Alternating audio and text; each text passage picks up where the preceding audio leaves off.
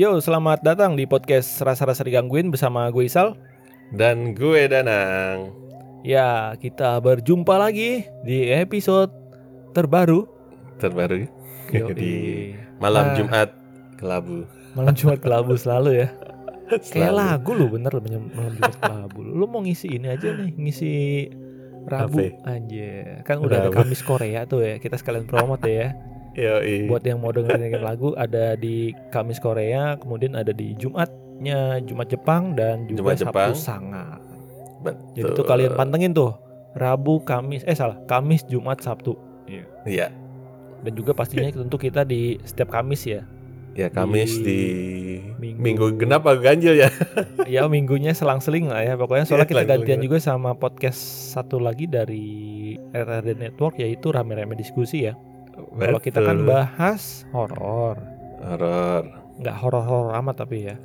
Ya horor komedi lah ya. Ya hai. Kemudian yang rame-rame diskusi tuh nggak bahas lebih banyak ke hobi sih ya. Hobi ya perhobian. Iya, Betul sekali. sesuatu ya kesukaan lah kalau ini kayaknya ke bukan suka sih ini ketakutan eh enggak juga ya Ketakut- tapi ya? Kesereman. Iya, keseruan lah keseruan asik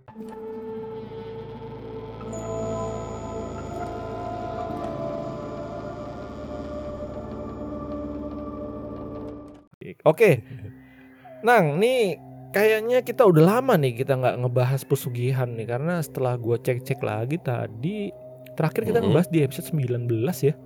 Ya 19. Sebelumnya kita juga Iya. bahas di episode 11 ya. Oh ada juga ya 11 ya, gua nggak. Ah, ngerti sih. Gua 11 cuma ngecek eh, ke belakang kayak ih ah, udah kita udah puluhan nih kan, udah Iya. mendekati ratusan, amin gitu sih jauh. Doakan Tapi- langgeng terus. Yoi, yoi. Tapi begitu buat oh iya ini kita kayaknya perlu mengangkat lagi nih masalah. Iya. Bukan masalah, topik soal pesugihan. Nah, masalahnya adalah ya eh, kan topik pesugihan tapi masalahnya. masalahnya adalah gue belum dapat nih update nih, tapi ada sih eh, dari dari eh, YouTube sebelah lah. Nanti kita akan bahas mungkin di akhir. Cuman Eh. tadi sebelum kita rekaman gue udah sempat briefing sebentar sama Dana. Heeh. Nah, Danang nih katanya ada cerita nih, cerita update Mm. mengenai pesugihan. Nah, silakan Nang, boleh disampaikan. Anjay. Oke, oke sebelum kita masuk ke cerita ya balik lagi ya. Kalau namanya pesugihan itu kan identik dengan tumbal, tumbal, Tumbal, artinya ya apa namanya tukar guling lah istilahnya tukar. Lo begitu lo mau kekayaan lo harus ada yang dikorbankan betul nggak tuh? Nah, itu namanya pesugihan ya. Eh, eh, nah selama ini kita kemarin kan kita belum pernah bahas ya kira-kira yang ditumbalin tuh apa aja sih gitu kan? Apa ya bisa ditukar anak ayam gitu kan bisa nggak ya? Apa ditukar panci, penggorengan gitu bisa nggak sih buat pesugihan? Kalau tuker koin bisa nggak? Contohnya gopay koin gitu. Nyebut ya kan. ya Biasa beli iklan. belanja di toko ijo dapat ini kan, dapat Ah, ah, koin kan cashback, nggak bisa di- cashback. Iya, dapat cashback tuh kalau bisa ditukar tuh, mantep tuh. Iya, Gila, mantap. daftar kayak pesugihan Nang sih. Anjay. Ah, iya sih, Nah. sih. Biasanya kalau nggak nyawa ya, yang seratus Mm-mm. itu kan nyawa, tukar tumbal, tukar nyawa, tukar darah Mm-mm. lah, apa apa lagi sih? Iya, kadang-kadang ada yang hewan, potong kambing yang kita cerita Fadil Iya, tuh, potong ada kan ya? hewan. potong hewan gitu. Nah, Iya. Emang itu pesugihan? Bukan lu, gila Bukan ya? Bukan, itu ini apa eh, request dari si hantu setempat lah, oh, minta iya. di minta di minta apa gitu, tapi sama Eh, si eh. yang orang pinternya akhirnya di di di, suggestnya suruh potong ayam gitu. potong ayam ya. Iya, bukan tumba, eh bukan bukan pesugihan itu. Nang. Hmm. Nah, terus Oke, ini yang dari gua dari berbagai sumber ya kita Hmm. coba uraikan satu-satu tumbalnya apa saja sih gitu. Tadi balik lagi ya kalau namanya tumbal semakin tinggi ya artinya semakin lu banyak minta atau kekayaan yang besar ya artinya tumbal yang harus korbanin tentu lebih besar lagi gitu kan. Ya. Nah mungkin ini gua akan sebutkan salah satu-satu jenis tumbal-tumbal yang ditumbalkan pada pesugihan. Pertama adalah tumbal orang yang dibenci. Ini biasa identiknya begitu lebih ke dendam ya. kayak santet berarti ya. Eh, Mm-mm. pesugihan itu. Jadi ini pesugihan ini tukar guling di mana pelaku pesugihan melakukan jual musuh dengan mengorbankan or mengorbankan orang yang, yang dibenci dengan tumbal. Orang yang dijadikan tumbal ini merupakan alat transaksi antar pelaku dan makhluk gaib untuk pembalasan dendam atau meminta sesuatu yang mereka inginkan. Jadi nggak Oh. cuma dendam ya. Jadi Iya, iya, iya. ya kekuatannya mungkin itu ya karena kemarahan, karena kebencian ya itu yang Mhm. diambil sama si makhluk halus itu gitu kan ya. Hmm. Itu ya dari yang pertama, kedua tumbal keluarga. Tumbal keluarga ini sudah sudah kita sering dengar kan ya. Paling umum ya. Mm-mm, paling umum. Ini bedanya dengan tukar guling yang menumbalkan orang yang dibenci. Terdapat pesugihan namanya tutup garwo, di mana pelaku persugihan harus merelakan anggota keluarganya untuk dijadikan tumbal. Bisa istri, banget. suami, bahkan anaknya bisa dikorbankan. Tergantung apa yang diminta. Balik lagi yang tadi gua bahas di awal ya. Ya semakin besar ya lu pengorbanan lu mungkin akan semakin besar juga. Mungkin ini kali yang paling besar kali ya, karena keluarga sih ya. Keluarga anjir, iya. Mm-mm. Kemudian yang ketiga nih ada namanya tukar janin. Gue juga baru dengar nih. Waduh. Apalagi tuh? Nah tadi, jadi tukar janin ini katanya sih apa namanya nih? Untuk pesugihan di mana sang ibu yang mengandung anak pertama dan tidak lebih dari tujuh bulan harus ikhlas melepas janinnya untuk diberikan kepada bangsa jin perempuan yang menginginkan keturunan untuk dirawat atau diambil dengan cara membunuh sang anak untuk dipindahkan. Jadi kayak diambil kali ya. Hmm. Yang yang kita pernah dengar kan kayak udah tujuh bulan tiba-tiba kempes gitu berarti Iya, atau keguguran gitu. Nah itu yang kata sih diambil untuk pesugihan. Nah kadang-kadang gue kepikiran gini ya, maksudnya Hmm. kalau yang kita pernah dengar cerita kayak dia hamil tiba-tiba hamil terus hilang gitu kan, eh kemu- mungkin gak sih dia ditumbalkan sama orang lain gitu, ya. jadi bukan dia gitu ya. Kan nggak mungkin eh, tiba-tiba ada yang, eh berarti kok tiba-tiba janin saya hilang terus nangis gitu kan Hmm. karena merasa kehilangan kan nggak mungkin dia numbalin buat kekayaan gitu ya Itu bisa dia. jadi Bisa jadi kayak yang tadi tuh yang pertama kan. Hmm, Balik orang yang hmm, benci gitu ya. Tapi eh, targetnya janin. hmm, hmm, hmm. ya Serem atau serem. memang Hmm. atau memang makhluk halus aja kali yang yang yang kebetulan lewat ya mengendus kali ya emang keinginan Ah, untuk ada ambil faktor janin juga. itu kali ya sama yang itu kan juga yang ilmu hitam itu kan juga ngambilnya janin. Mhm. betul betul oke lanjut di nomor 4 ada namanya tumbal umur sendiri Hah? tumbuh nah itu dia jadi tumbal umur sendiri itu kayak perjanjiannya adalah melakukan pesugihan dengan cara memotong umur diri sendiri sebagai harta atau keinginan atas kenikmatan yang di- yang diterima si pelaku. Mereka yang melakukan pesugihan ini harus mengorbankan nyawanya sendiri pada saat mencapai umur tertentu. Anjay. Gila ya. Ini kayak di anime-anime gitu. Mengurangi umur ya iya ngur nguarin jurus gitu kan. untuk mengeluarkan kekuatan kayak si ini Gai Sensei, Gai Sensei, Oh iya guys sensei ya benar.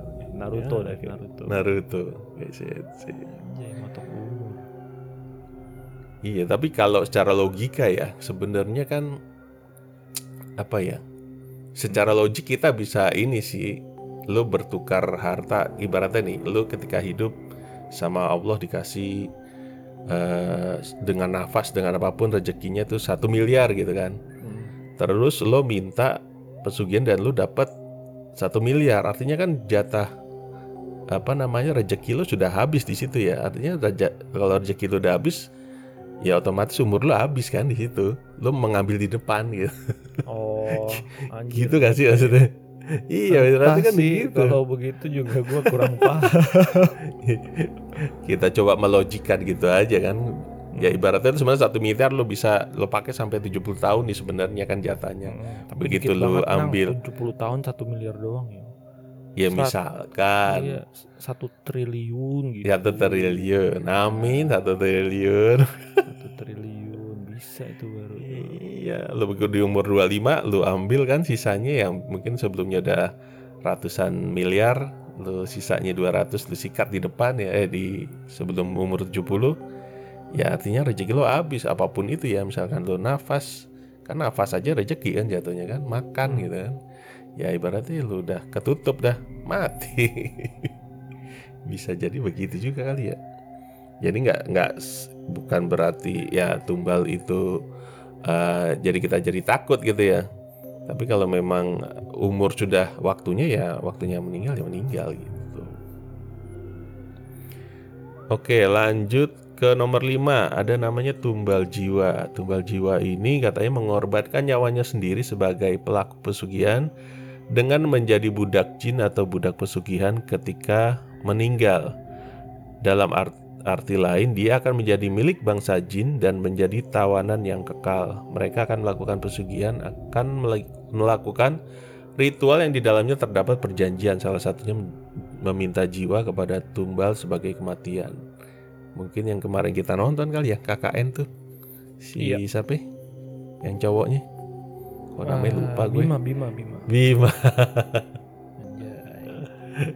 ya itu kan keinginannya apa gitu kan ya lo harus jadi jadi budak di alam mereka Iya. gitu Keinginannya jiwanya pengen deket sama si cewek itu kan, Hmm, hmm. tapi malah Ya. salah. salah Padahal ceweknya di depan muka dia tinggal bilang aja sih anjay. Iya. zaman Si- dulu masih malu-malu kali ya Iya makanya gue juga sih paling jago tuh. iya Profesional. Terus ada lagi nggak nih? Tumbal, tumbal. ada Oh, ada tumbal. Anjir. Ada berapa? tumbal tuh? ju- ada tujuh Hmm. tujuh soalnya kita tadi udah sampai lima sekarang nomor enam ada tumbal jual diri jual diri ini dalam melakukan kesepakatan dengan masa jin untuk mendapat kekayaan atau hal lain yang diinginkan pelaku pesugihan harus rela disetubuhi dengan menjual dirinya kepada makhluk gaib bahkan dalam beberapa kasus pesugihan ini harus dilakukan dengan menikahi jin melalui sebuah ritual Apabila sang pelaku pesugihan tidak melaksanakan tugas sesuai apa yang sudah disepakati sebelumnya, maka nyawa akan berada dalam ancaman dan menjadi taruhannya. Nah ini nih lu mau nggak Sal? Kalau jinnya cakep gimana Sal? Hmm. Jinnya cakep ya kayak kayak waifu gitu ya. Wah, Waduh, sulit nih, sulit dijawab. sulit. Satu sisi jiwa wibu saya ya langsung terbangun Iya. gitu kan. Bergejolak. Ya, tapi percayalah lah namanya bangsa jin tidak sesempurna manusia. Jadi mereka kan bisa meniru menyerupai siapa aja gitu mau cewek cakep juga bisa. Tapi kalau udah wujud aslinya ya kita nggak tahu. Jadi jangan percayalah, ya, Pak, jangan jangan tergoda lah dengan hal-hal yang seperti Ah, pasti ini. anjay, kayak yakin aja. Yakin semoga, aja. semoga dijauhkan. Semoga ya dijauhkan. Yoi, Mending yang asli aja ya. yoi, yang pasti-pasti aja lah. Ya pasti-pasti aja. Terus Oke, terakhir, ya, yang terakhir ada tumbal susuan. Nah, tumbal susuan ini agak aneh ya. tunggal susuan tuh gimana tuh? Nah, ini katanya tumbal susuan Susuan. merupakan syarat bagi orang melakukan pesugihan dengan memelihara tuyul. Yang tuyul sih kayaknya. Oh, nyusu maksudnya. Mm-mm, tuh yang dipelihara. Gitu ya. Betul. Iya tuyul tuh gue sempat dengar ceritanya juga tuh. Kalau biar tuyul, Mm. lu numbalnya harus itu kan, nyusuin tuyulnya itu kan ya. Iya, yang disedot tuh bukan darah tapi eh bukan darah, bukan susu tapi darah katanya Sal. Oh, lah tunggu Jadi- Nam. itu kan Hmm? itu kalau miara tuyul, ya, maksudnya gini, si siapa? Misalkan perempuan nih ya, mohon maaf nih. Mm. Kalau kalau laki-laki yang miara tuyul gimana? Dia Nggak bisa. dia nyusuin tuyul juga gitu bisa kan? Makanya gimana tuh? Ya walaupun suami yang perjanjian ya ininya ke istrinya Istrinya, pasti. iya, Mm-mm. itu kan kalau punya istri, nah kalau single gimana nih? Dia kagak bisa, bisa berarti Pak. ya? Oh, Syaratnya. Oke oke, berarti Masa sama kucing ntar kali gitu. Oh berarti berarti kalau yang pria lajang otomatis dituduh pria tuyul itu bohong dong. Cie. Ya, Bo. Soalnya kan syaratnya nggak bisa. Iya nggak bisa Tidak memenuhi syarat bener bener kan bener kan. Anjir. tuyul online ya adanya ya. Oh iya Oh, zaman- dijual anjir. Ada yang jual kan di itu juga lu search saya tuh di e-commerce e-commerce ada. Anjir gua nggak tahu itu bener apa enggak tuh. Ya tadi udah gua sebutin apa ada tujuh tumbal ya yang biasa Hmm. dilakukan pesugihan. Nah ini gua akan lanjut mungkin lebih ke cerita ya cerita mengenai eh, tumbal pesugihan nih. Sebenarnya hampir dijadikan tumbal pesugihan, tapi alhamdulillahnya si orang ini lolos dari penumbalan ini. Oh. Nah ceritanya ya. mungkin betul. Ceritanya ini masih sebenarnya nyambung ke yang pernah gue kemarin cerita supir itu ya, supir travel. travel ya. Hmm. Ah, ah, mereka juga antar- ke antar kota itu ya. Ah, ah. jadi saat nganggur ya, waktu belum dapat kerjaan, sebenarnya udah kerja sih kerja sebagai supir angkot, nyupir angkot, cuma kan eh, saat itu mungkin rezekinya nggak begitu banyak ya naik turun gitu kan pendapatan ya, Hmm. udah turun eh, pada sewaktu-waktu si supir ini sempat diajakin sama temennya nih, temennya ini ya dengan suku tertentu lah ya Hmm. gua nggak akan sebutin sukunya apa gitu kan. Suku ini eh, dia ngajak ke tempat kerjanya nih. Tempat kerjanya ini ternyata sebuah eh, perusahaan truk yang mengantar barang-barang lah. Barang-barangnya mungkin di zaman dulu itu macam-macam ya, bisa sembako, bisa barang elektronik, bisa juga pasir. Jadi ja- jasanya tuh jasa di di kendaraannya, lebih ke kendaraannya gitu. Tinggal digunakan untuk apa ya Hmm. tergantung si pemesan gitu kan yang penting menyediakan kendaraan dan diantar gitu sesuai tempat tujuan gitu kayak gitu akhirnya kan diajaklah ke kantor itu. Dari awal dia ke sana tuh mungkin sudah agak curiga sih maksudnya curiga di sini ada perasaan nggak enak gitu ya. Eh, kemudian pada saat dia ketemu bosnya itu langsung ditawarin mau nggak kerja di sini jadi supir? Nanti saya gaji biasa sih rata-rata seminggu di sini mungkin berapa kali trip kali ya. Pada saat zaman itu ya gajinya seminggu itu sebesar 30.000 ribu 30.000 mungkin tahun 90-an besar sih ya 30.000 ribu itu. mah 30.000. Iya 30.000 Orang mata uang ged- ter- gedenya berapa ya? Dulu kan masih Kayaknya gocap udah ada belum sih ya dulu gocap ya? Kayaknya gocap Zaman- tuh 90-an pertengahan kali ya. Iya Pak Harto yang duit Yang Pak Harto masih gambarnya. Iya. Ya masih zaman itu. Nah pada saat ditawari 30.000 ribu itu sebenarnya dia ya mencoba ngeles kali ya pengen pengen menolak tapi nggak bisa gitu. Cuma dia akhirnya coba nawarin nih biasanya kalau di perusahaan lain tuh sekarang rata-rata seminggu itu 40.000 ribu nggak udah nggak nggak mungkin 30.000 ribu kasihan lah belum ntar buat makan kalau bannya kempes atau ada apa gitu kan Hmm. mereka pasti kan kepotong tuh gitu supir-supir ini gitu. Pada saat itu sebenarnya dia niatnya mencoba menolak halus kalau dia nggak mau kan ya udah gitu kan mikirnya gitu kan ya. Hmm. Kalau kalau ini kan kalau nggak mau ya udah gitu kan. Ternyata si juragannya ini malah hmm, 40.000 ribu ya. Oh nggak masalah nanti teman-teman mulai minggu depan saya naikin 40.000 ribu gitu per minggu gitu kan. Kaget juga kan si si supir ini kan loh kok tiba-tiba dia nawarin apa saya tawarin naik malah diiyain gitu apalagi nggak cuma dia buat dia doang gitu artinya buat supir-supir yang lain kan Hmm. yang ada di situ kan. Setelah itu kan dia akhirnya berpikir eh dia sampaikan lagi ke juragannya itu "Eh, nanti saya pikirkan dulu ya pak. Nanti saya pulang dulu deh. Saya coba tanyakan sama keluarga saya gitu. Apakah mereka setuju? gitu ya. Ya tentu pasti kan kalau namanya pekerjaan baik lagi ya kalau nggak yakin pasti nanya ke keluarga kayak Iya. gitu. Nah akhirnya ya karena dia merasa ada sesuatu yang nggak enak ya. Nah sini dia sih nggak cerita ya maksudnya nggak enaknya seperti apa ya. Mungkin dia ngelihat apa atau apa itu nggak diceritain masalahnya.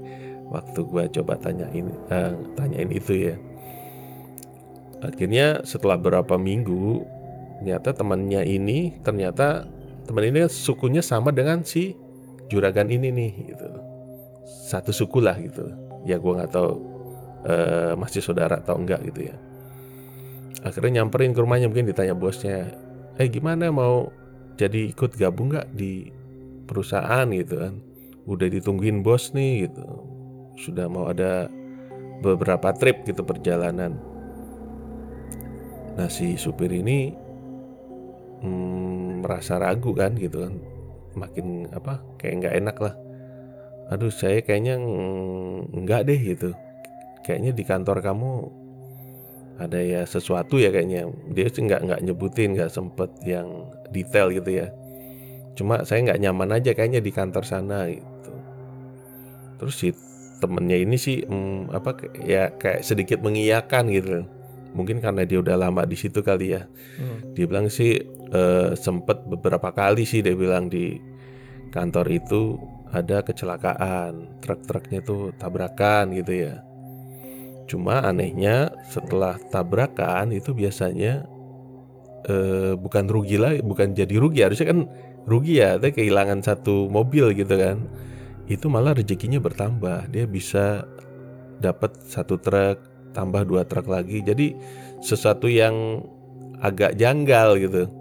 Namanya orang kecelakaan tentu kan harusnya rugi gitu kan. Ini malah ke berikut berikutnya tuh seperti ada rezeki lebih tiba-tiba nambah mobil nambah mobil Jadi gitu kayak kan. rezeki nomplok gitu ya? Ah, ah gitu. Anjay mem nah nah itu dia. Sebenarnya kan temennya ini juga sudah curiga kemungkinan sih mungkin cerita juga kali ya ke si supir ini. Kayaknya sih juragan ini memang apa kayak pesugihan.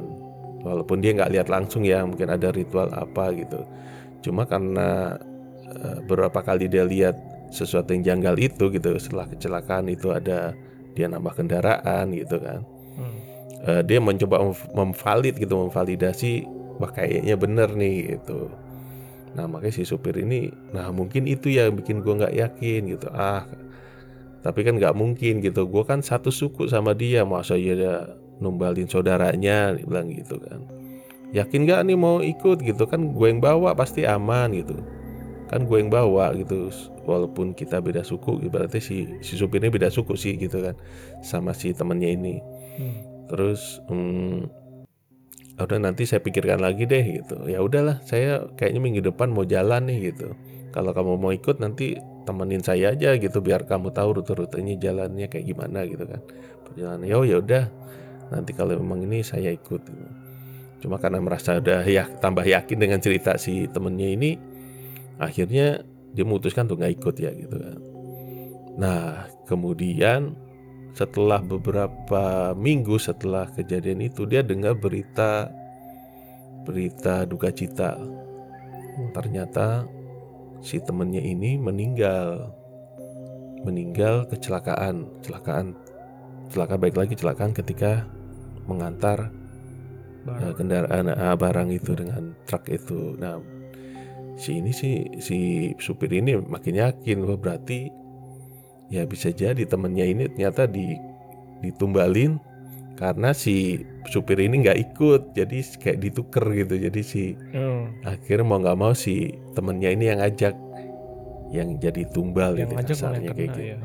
iya jadi tidak pandang bulu ya Asli. jadi jadi nggak nggak nggak ada kata wah ini saudara gua nih. Wah ini masih satu suku sama gua nih. Iya. tetap nggak bisa. gue terdekat gitu. Ah, ah, tetap disikat sikat gitu iya, gitu kan. mungkin perjanjian juga kali kayak uh, lu harus bawa orang baru. Kalau kagak lu sendiri yang kena. Gitu kan siapa tahu juga iya, tapi nggak tahu sih. Iya bisa jadi mungkin ada batas waktu ya. Lu mana nih kok nggak ada ada juga kan atau yang lain tuh saya nggak mau yang ini saya nggak mau yang ini kan bisa milih kali ya. Iya makanya. Nah, lah. ya, anjir.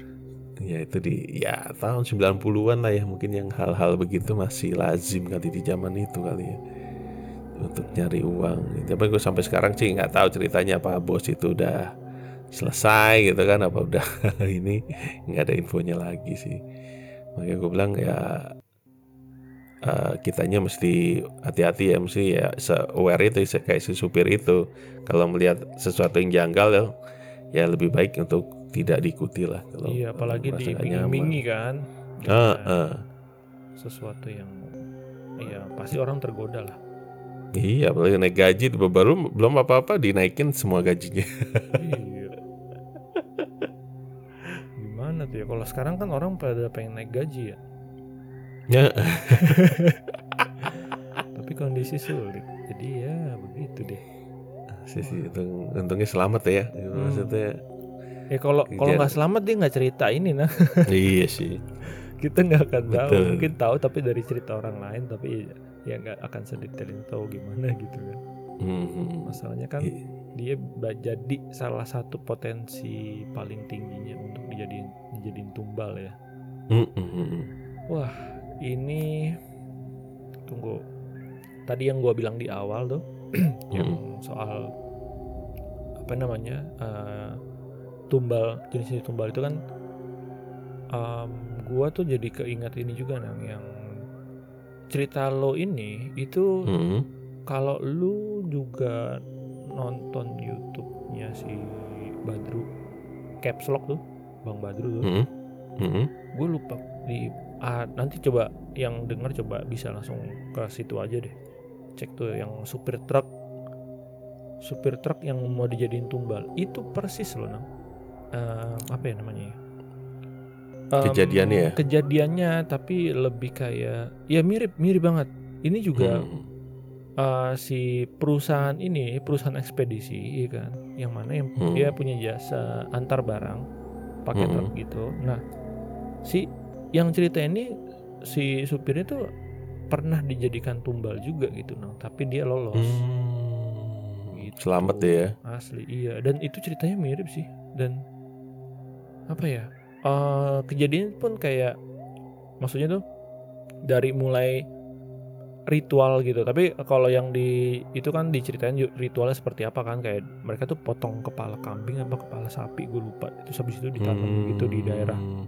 Kawasannya maksudnya di lingkungan pabriknya situ tempat ya, Ah. tempat usahanya lah ya. tempat usahanya gitu terus eh, apa namanya dia tuh beruntungnya sih dia bilang katanya gue ceritain secara singkat aja lah ya Hmm. jadi tuh eh, ada satu kayak tempat itu dia suka tidur di situ Hmm. nah kan dia kan orang baru ya anak baru nah eh, dia tuh nggak tahu kalau ternyata tempat yang ditidurin itu adalah tempat yang paling angker di di apa sih di kantor itu gitu loh di Hmm. perusahaan itu. Nah, eh plot twistnya adalah sewaktu dia hampir ngalamin kecelakaan yang yang mau ngerenggut nyawa dia, Hmm. justru sosok yang ditakutin di apa namanya di Ya, tempat angker itu. Heeh, Hmm. tempat angker itu justru dia yang nolongin sih gitu.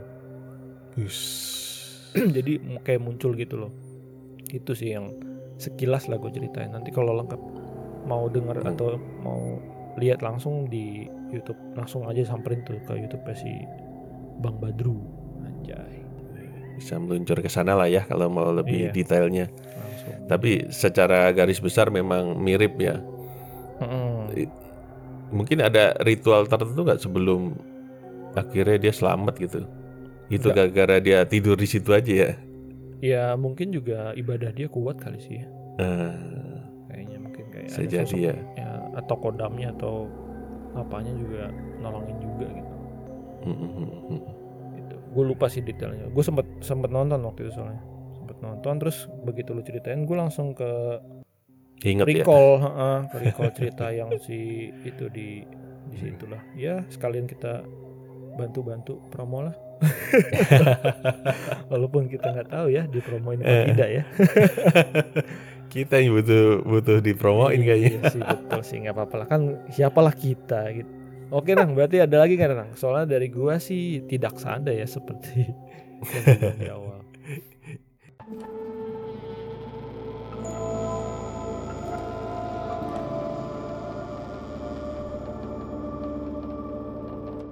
Ya, kayaknya cukup aja untuk episode ya, kali ini kali ya. Hmm, kita tutup berarti eh, ceritanya di sampai di sini Mm-mm. dan terima kasih juga buat teman-teman yang udah mau dengerin Mm-mm.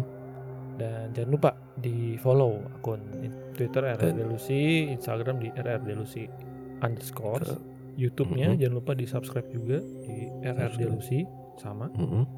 Yang mau cerita atau kirim-kirim Ah. Cerita horor bisa langsung kirim ke email kita di gangguin at gmail.com. Oke, kalau gitu terima kasih Nang atas ceritanya. Anjay, lu kayak jadi Anjay. tamu nih. Oh iya, nih. soalnya gue nggak Sebelum- cerita. Iya, nah, nanti Iya. jangan lupa nih kita sudah dikit lagi memasuki episode ke berapa?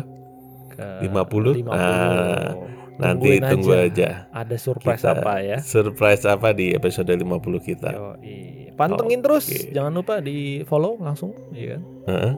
Kalau gitu berarti sampai di sini episode kita kali ini. Gue Isal. Dan gue Danang. Sampai jumpa di episode selanjutnya. Bye bye. Bye bye.